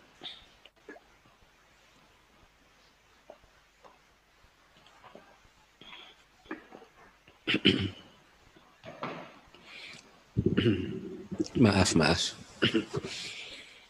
Ada cabang pertama adalah ketika konsentrasi benar sudah dicapai dan sudah di apa e, diberi petunjuk oleh guru bagaimana cara menguasainya ya e, supaya makin terampil di dalam mencapai konsentrasi yang benar Cabang yang pertama setelah itu adalah dengan keluar dari konsentrasi benar, kemudian eh, dia berwipasana dengan mengamati materi terlebih dahulu, ya, dan mengamati materi terlebih dahulu. Ada yang di sini pun juga bercabang, ada yang mengajarkannya eh, dengan sistematika tertentu, ya, misalkan eh, apa? Eh, dengan mengamati eh, katakanlah langsung ke hadaya waduk begitu. Atau ada yang juga mengajarkan materi mana yang pada waktu itu tiba-tiba muncul uh, perhatian dari yang bersangkutan menuju ke materi-materi tertentu. Misalkan bisa saja itu adalah Eh, ketika pada saat itu dia mendengar suara dan tiba-tiba perhatiannya tertuju kepada landasan telinga, maka dia akan mengamati materi yang disebut uh, sotak pasada, yaitu materi transparansi telinga begitu. Nah, dari sana dia akan mencoba untuk melihat materi apa yang ada di sana ya. Ada sotak 10 individu materi yang di sana dan dia akan melihat uh, dalam konteks anicca, duka dan anatanya. Kemudian juga akan melihat bagaimana materi ini bisa muncul, sebab apa yang menyebabkan uh, transparansi telinga atau atau dalam bentuk kalau rupa kalapa adalah sota dasaka itu uh, muncul dikondisikan oleh apa dan setelah itu uh, dia baru mengamati nama atau batin yang muncul di situ begitu ya. Uh, dan setelah itu baru kemudian uh, dia akan mengamati uh, hadaya wadu atau landasan batin untuk mengamati uh, proses uh, kognitif yang muncul setelah proses kognitif di pintu telinga ya. Jadi itu pun bercabang. Ada yang secara uh, dengan sistematika-sistematika tertentu, ada yang uh, materi mana pun yang ketika itu perhatian dari yogi itu tertuju begitu. Jadi tidak dengan sistem, sistematika tertentu gitu. Apa pun yang saat itu diamati itu langsung diamati.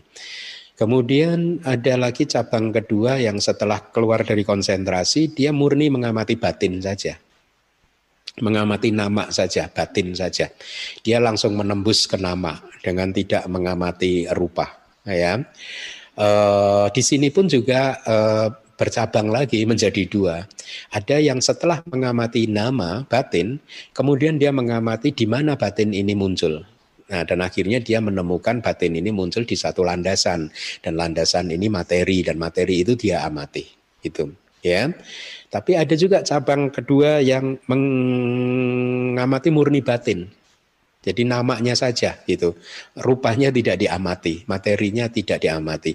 Dan ini cabang yang ini eh, banyak eh, di apa eh, dipraktekkan terutama kalau saya melihat mungkin di luar eh, tradisi di Myanmar begitu ya.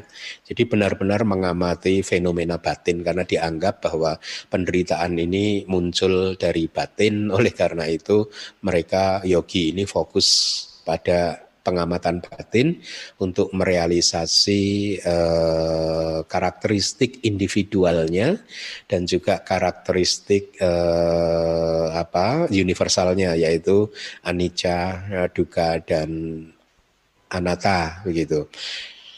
Nah, eh, tapi di atas itu semua dari apa yang sudah saya sampaikan, eh, saya juga melihat ada dua cabang meditasi yang berbeda besar, ya sangat kontras. Satu adalah para guru meditasi yang meskipun pencapaiannya itu sudah hebat, tetapi beliau benar-benar mengajarkan dengan uh, sesuai dengan kitab suci. Ya, apa yang ada di kitab itu yang dia beliau beliau ajarkan. Ya, uh, kemudian cabang yang kedua yang kontras dengan ini adalah yang mengajarkan sesuai dengan apa yang mereka realisasi gitu. Apa yang mereka lihat. Yang sering kali itu tidak ada dukungan dari kitab suci. Referensinya itu tidak ada. Itulah mengapa di cabang yang kedua ini saya juga pernah membaca eh, Bahkan dulu ketika status saya masih masih yogi di Myanmar, itu saya pernah membaca eh, kebetulan ada bukunya eh, membaca bahwa apa eh, eh, yogi yang mempraktekkan dari divisi yang kedua ini tadi masih menganggap ada sesuatu yang kekal gitu. Ada sesuatu yang kekal gitu. Ya jadi bahkan kalimatnya itu kalau tidak salah Hmm, memang dikatakan oleh Buddha itu segala sabi sangkara anicca, tetapi cita itu sendiri adalah kekal. Gitu. Itu dulu waktu saya masih status saya sebagai pelajar di yogi yogi di Myanmar. Kebetulan biasanya wihara itu ada uh, perpustakaannya dan kita diizinkan untuk membaca buku dan waktu itu saya membaca buku tersebut. Dan semakin ke sini perjalanan waktu ketika sudah mungkin uh, selesai belajar dari Myanmar uh, sampai hari ini, saya juga semakin sering bertemu dengan pernyataan-pernyataan yang mencerminkan ada sesuatu yang kekal, ada sesuatu yang kekal. Ya, bahwa cita atau kesadaran atau batin ini kekal sesungguhnya gitu. Ya. Yang menurut saya itu adalah kekeliruan di dalam menginterpretasikan pengalaman meditasi beliau menurut saya ya. Mungkin beliau keliru menginterpretasikan nimita sebagai batin misalkan ya. Karena eh, kalau hal itu terjadi ya wajar. Kalau dia menganggap nimita itu adalah batin ya wajar saja kalau yang bersangkutan atau beliau mengatakan bahwa batin itu kekal gitu Nah itulah mengapa, itulah mengapa. Sementara di sisi yang lain tadi saya katakan para meditator, para accomplished sayadaw, accomplished yogi itu tetap saja berpegangan kepada kitab suci, tetap saja berpegangan pada eh, petunjuk-petunjuk yang ada di bahkan kitab komentar dan uh, kitab uh, subkomentar juga walaupun pencapaian para sayadaw di Myanmar itu juga hebat-hebat. Tetapi saya melihat jarang sekali para seado itu berbicara tentang sesuatu yang tidak didukung oleh teks begitu. Nah, itulah mengapa dari semua cerita yang saya sampaikan teori itu penting. pariyati itu penting gitu ya. Karena pariyati itu fondasinya pati-pati dan meditasi kita tidak boleh di luar batasnya pariyati. Makanya meditasi kita itu harus dibatasi oleh pariyati gitu ya. Sehingga dengan demikian eh, kita eh, bisa mendapatkan hasil yang kita idam-idamkan. Nah, yang terakhir, saya sarankan kalau memang Anda itu mempunyai pencapaian meditasi yang bagus, ya saya sarankan ikutlah retret yang panjang ya lepaskan segala keduniawian ini ikutlah retret yang panjang itu demi eh, kemajuan yang maksimal untuk anda. Karena kalau anda menurut saya ya kalau tetap sebagai eh, apa penghuni rumah istilahnya begitu penghuni rumah akan sangat sulit untuk bisa mencapai kemajuan batin. Kenapa? Karena gaya hidup dari penghuni rumah itu sedemikian rupanya sehingga ada saja tugas kewajiban sehari-hari yang harus Anda lakukan. Sementara di sisi yang lain menjadi seorang yang telah meninggalkan rumah itu gaya hidupnya itu sudah disusun atau ditentukan oleh guru kita Buddha Gotama sedemikian rupa sehingga kita nggak punya banyak tugas ya selain hanya mungkin pariyati dan pati-pati saja. Jadi eh, akan lebih baik kalau memang Anda benar sudah mencapai eh, pencapaian meditatif yang bagus, itu akan lebih bagus kalau Anda eh, tidak menjadi penghuni rumah, itu kalau memungkinkan ya. Eh, kesempatan untuk berkembang akan menjadi lebih besar ketika seseorang itu meninggalkan keduniawian mereka. Ya, eh, eh, eh, penghuni rumah itu berdebu, banyak debu. Sementara meninggalkan rumah itu bebas lepas udara terbuka, tidak banyak debunya. Demikian dari saya, terima kasih. Terima kasih banyak Bante. Salam Hmm. hormat. Terima kasih. Eh, berikutnya kami berikan kesempatan kepada saudara Effendi Sumarjono. Silahkan untuk unmute.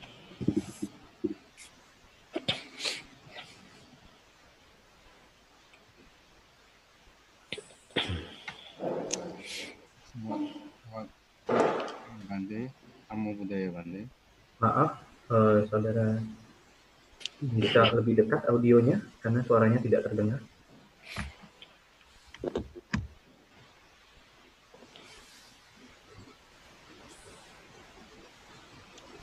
Halo, selamat siang Bante. Namo Iya, Jelas suara Bante. Je- jelas suara saya bisa dengar Bante? Bisa. Dengan jelas saudara. Silakan. Bisa, bisa ya. Abante, selamat- jadi saya ini masih tahap pemula dalam abidama ini dan pagi hari saya mendengar tentang kata-kata witaka. Witaka itu saya masih bingung antara witaka carita dengan witaka di faktor jana yang pertama itu Bante. Apa tulisannya, apa arti artinya berbeda, tapi tulisannya bagaimana? Apa sama? Itu yang itu yang masih membingungkan saya Bante. Kata-kata Ya. dan kemudian yang yang kedua lagi tentang Witaka ini semalam saya mendengar di Abidama di YouTube juga bahwa ah, Witaka Pak Jana ini hmm, ber- berten- ad- adalah Pak Jana yang bertentangan dengan Tinamida, Tinamida dalam rintangan batin itu. Jadi kalau mencapai Witaka Witaka Jana itu artinya kita melemahkan tinamida dulu gitu gitu ya Bante. Terima kasih Bang. Baik Bapak, yang pertama adalah memang kata witaka itu bisa mempunyai banyak arti ya memang kata-kata Pali itu begitu eh, bahkan witaka itu tidak hanya banyak arti tapi juga banyak terminologi gitu misalkan nah witaka itu juga bisa diartikan sebagai pikiran. Ya jadi pikiran. Makanya eh, faktor atau jalan mulia berunsur delapan pikiran benar itu sesungguhnya ininya juga witaka itu sangkapa itu juga witaka. Jadi witaka itu biasa diartikan sebagai pikiran Bahkan di Witaka Carita tadi itu Witaka diartikan sebagai pikiran yang diskursif. Diskursif itu lari ke sini, lari ke sana begitu. Ya. Tetapi Witaka sebagai para mata dhamma atau Witaka sebagai dhamma dalam arti yang tertinggi atau sebagai realitas yang hakiki, Witaka itu adalah faktor mental yang eh, satu faktor mental yang mempunyai karakteristik abirupana. Abiro kayak menempelkan, eh, menembus objek seolah-olah seperti menusuk objek. Ini kalau ada benda yang eh, lembut begitu kemudian ditusuk oleh semacam jarum ketika petusukan pertamanya inilah witaka. Tep gitu. Jadi energi mental atau cetasika di dalam batin kita yang pertama kali membuat itu menempel ke objek itu witaka.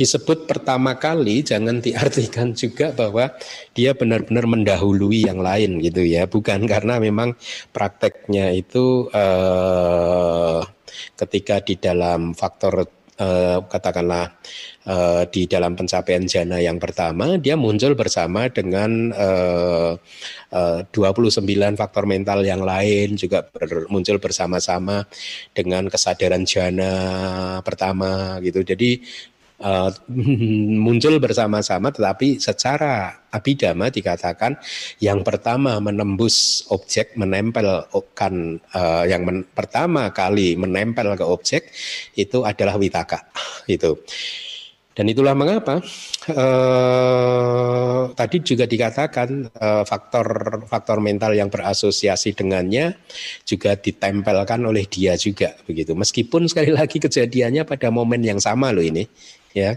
Tetapi eh, secara pemahaman dipahami Witaka ini sebagai yang pertama, sebagai pemimpinnya begitu ya. Nah, eh, itu makna dari uh, witaka ya Ketika seseorang mencapai jana yang pertama, maka lima faktor jana itu eksis, yaitu witaka, wicara, piti, suka, ekagata, eksis. Ya, semakin jana pertama orang tersebut semakin kuat, maka dia ketika berada di dalam jana yang pertama, maka proses kognitif dari jana yang pertamanya sering terputus, gitu sering terputus. Artinya sering disela oleh proses kognitif uh, lingkup indriawi begitu ya. Uh, dia kadang masih bisa mendengar suara, dia kadang masih bisa merasakan mungkin uh, hawa sejuk di tubuhnya, dia bisa merasakan tubuhnya menjadi semakin ringan dan seterusnya. Yang itu adalah uh, terjadi karena proses kognitif uh, jananya, absorpsinya uh, terputus diselipi atau disela oleh proses kognitif lingkup indriawi begitu. Nah, semakin uh, orang tersebut uh, apa kokoh di dalam jana yang pertama, dia akan mulai bisa melihat bahwa kekurangan dari witaka ini itu ya. Kekurangan dari witaka ini karena witaka ini selalu sifatnya itu uh, kayak ada pergerakan begitu ya pergerakan. Dia masih mudah eh, menempel eh, ke objek-objek indriawi lainnya gitu. Ya itulah mengapa tadi kadang yogi masih bisa mendengar uh, suara atau masih bisa merasakan tubuhnya yang semakin ringan atau mungkin kadang lenyap, kadang muncul lagi.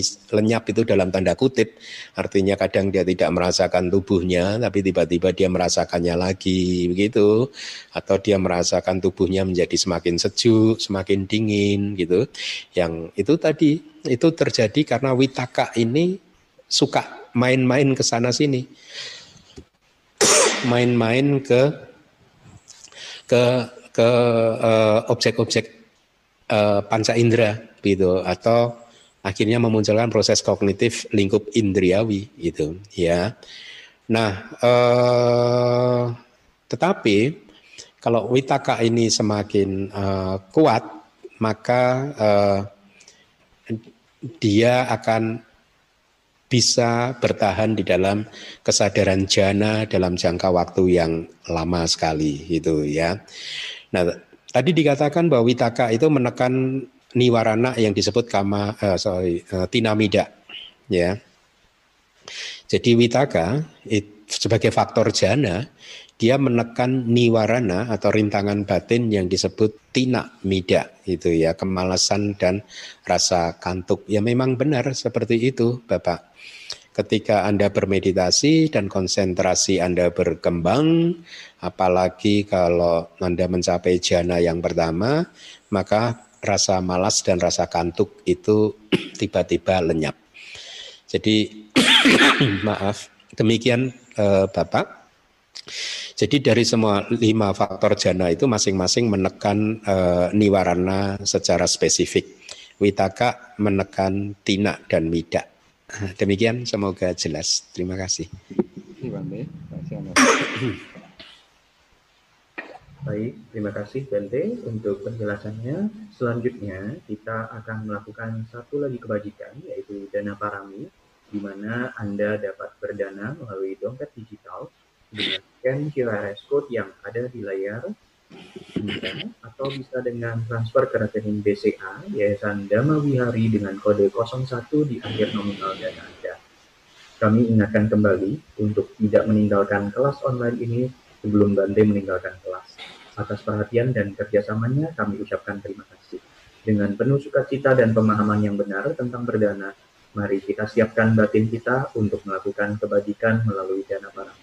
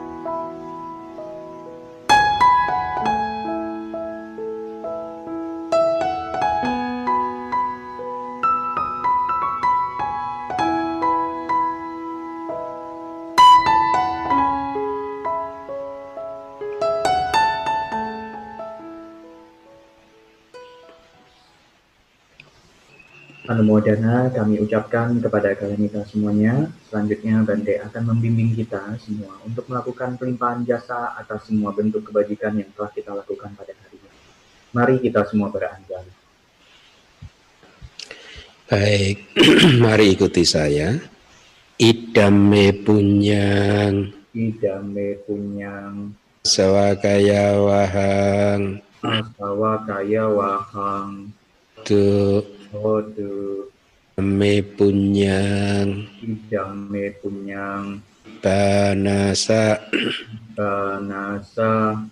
Yo. Pacayo. Tu hodu punya bagang. Punya bagang. Sabak satanang. Sabak satanang. Ajemi bajemi. Esabe. Esabe Esamang. Esamang. Bagang. Nya bagang. Bu bantu Moga jasa kebajikan saya ini Semoga jasa kebajikan saya ini Ngalir ke arah kehancuran noda-noda batin. mengalir ke arah kehancuran noda-noda batin. Semoga jasa kebajikan saya ini Semoga jasa kebajikan saya ini jadi kondisi untuk merealisasi nibbana. Menjadi kondisi untuk merealisasi nibbana.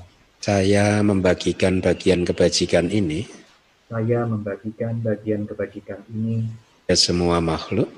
pada semua makhluk. Semoga mereka semua Semoga mereka semua mendapatkan bagian kebajikan mendapatkan bagian kebajikan sama dengan saya. sama dengan saya. Sadu. Satu, satu, satu. Terima kasih atas dhamma desana dan bimbingan Bante pagi ini. Untuk kita tetap beranjali sambil berucap Anumodana Bante atas dhamma desana dan bimbingan.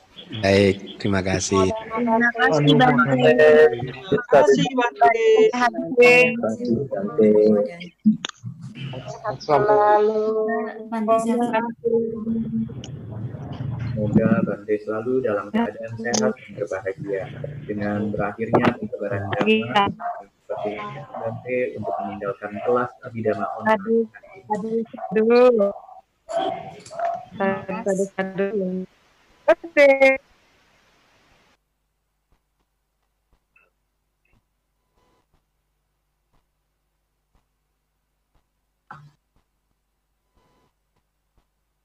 Hari ini. Sebelum mengakhiri kelas hari ini, izinkan kami untuk kembali membacakan beberapa pengumuman. Pengumuman pertama, jangan lewatkan kelas Pariyati Sasana besok pada hari Minggu tanggal 9 Agustus 2020, di mana Bante Keminda akan membahas khotbah lanjutan dari minggu lalu, yaitu khotbah tentang perasaan yang kedua, Ditya Wedana Sutta, melalui Zoom dan live streaming YouTube.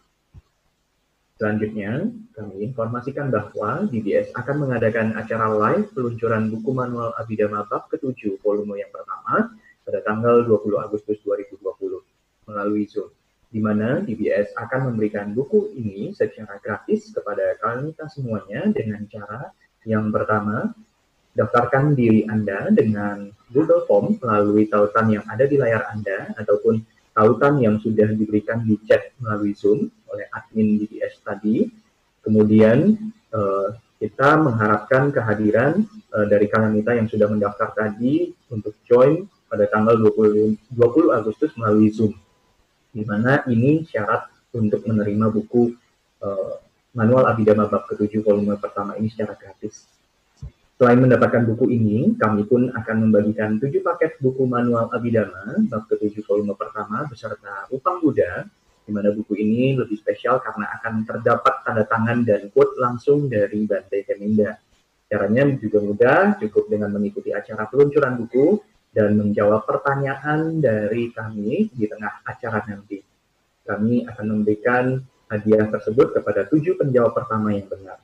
Jadi, segera daftarkan diri Anda sekarang dan pastikan Anda mengikuti acara peluncuran buku ini melalui Zoom pada tanggal 20 Agustus 2020. Selanjutnya, kami informasikan bahwa segera terbit buku manual Abhidhamma Bab ke-7 volume yang kedua dengan judul yang sama yaitu kategori-kategori yang menjelaskan 72 dhamma realitas hakiki yang terdiri dari Aku Salah Sanggaha, Nisakasa Sanggaha, Bodhipakya Sanggaha, Sabar Sanggaha di mana kami buka kesempatan berdana dengan kode 23, batas akhir 25 Oktober 2020. Berikutnya, telah terbit buku 9 Sifat Agung Buddha edisi yang kedua yang diperbaharui dan bagi kalian kita yang berminat bisa menghubungi sekretariat DBS di 0813 8700 3600 atau dengan klik uh, tautan bit.ly garis miring DBS Book. Selanjutnya, untuk uh, eh, DBS yang akan menerbitkan buku penjelasan Sutantai keempat berisi 10 suta dari Sang Yuta Nikaya, kami masih membuka kesempatan dengan kode 33, di mana batas akhirnya adalah 23 Agustus 2020 ini. Dengan hadirnya DBS selama empat tahun ini, harapan kami manfaat dari kehadiran DBS dapat dirasakan oleh seluruh umat Buddha di pelosok Nusantara. Kami ingin mengajak kalian bergabung dalam komunitas penyokong ajaran Buddha, Buddha Sasana Nugaha dengan membantu mendanai operasional DBS. Untuk dana rutin dapat ditransfer ke rekening yayasan DBS serta yang uh, seperti yang ada di layar Anda saat ini. Kami juga memberikan kemudahan uh, dalam cara berdana untuk Anda dan seluruh keluarga dengan berdana melalui GoPay ya kodenya di antaranya sebagai berikut yaitu ada yang 00 untuk operasional DBS, 01 untuk keperluan sangga, 02 untuk pendidikan Samanera dan saya lain, 03 untuk penerbitan buku, 08 tawaradana, dan 10 untuk perpustakaan. Supaya tidak ketinggalan berita-berita DBS, mari kami kembali mengajak kalian kita untuk bergabung dalam WA Group Komunitas Buddha Sasana Nugaha DBS dengan klik tautan yang ada di layar Anda. Kami akan selalu menginformasikan kegiatan-kegiatan yang akan dilakukan di DS, informasi buku-buku yang bisa Anda pesan, informasi penggalangan dana buku, dan lain-lainnya. Terakhir, jangan lupa untuk follow, subscribe, dan like YouTube, Facebook, Instagram DBS supaya tidak ketinggalan informasi kegiatan-kegiatan DBS lainnya. Akhir kata, kami ucap ucapkan terima kasih dan sampai bertemu di kelas selanjutnya. Suki Hontu, Kahanita, semoga kita semua selalu dalam keadaan sehat dan berbahagia. Sadu, sadu, sadu.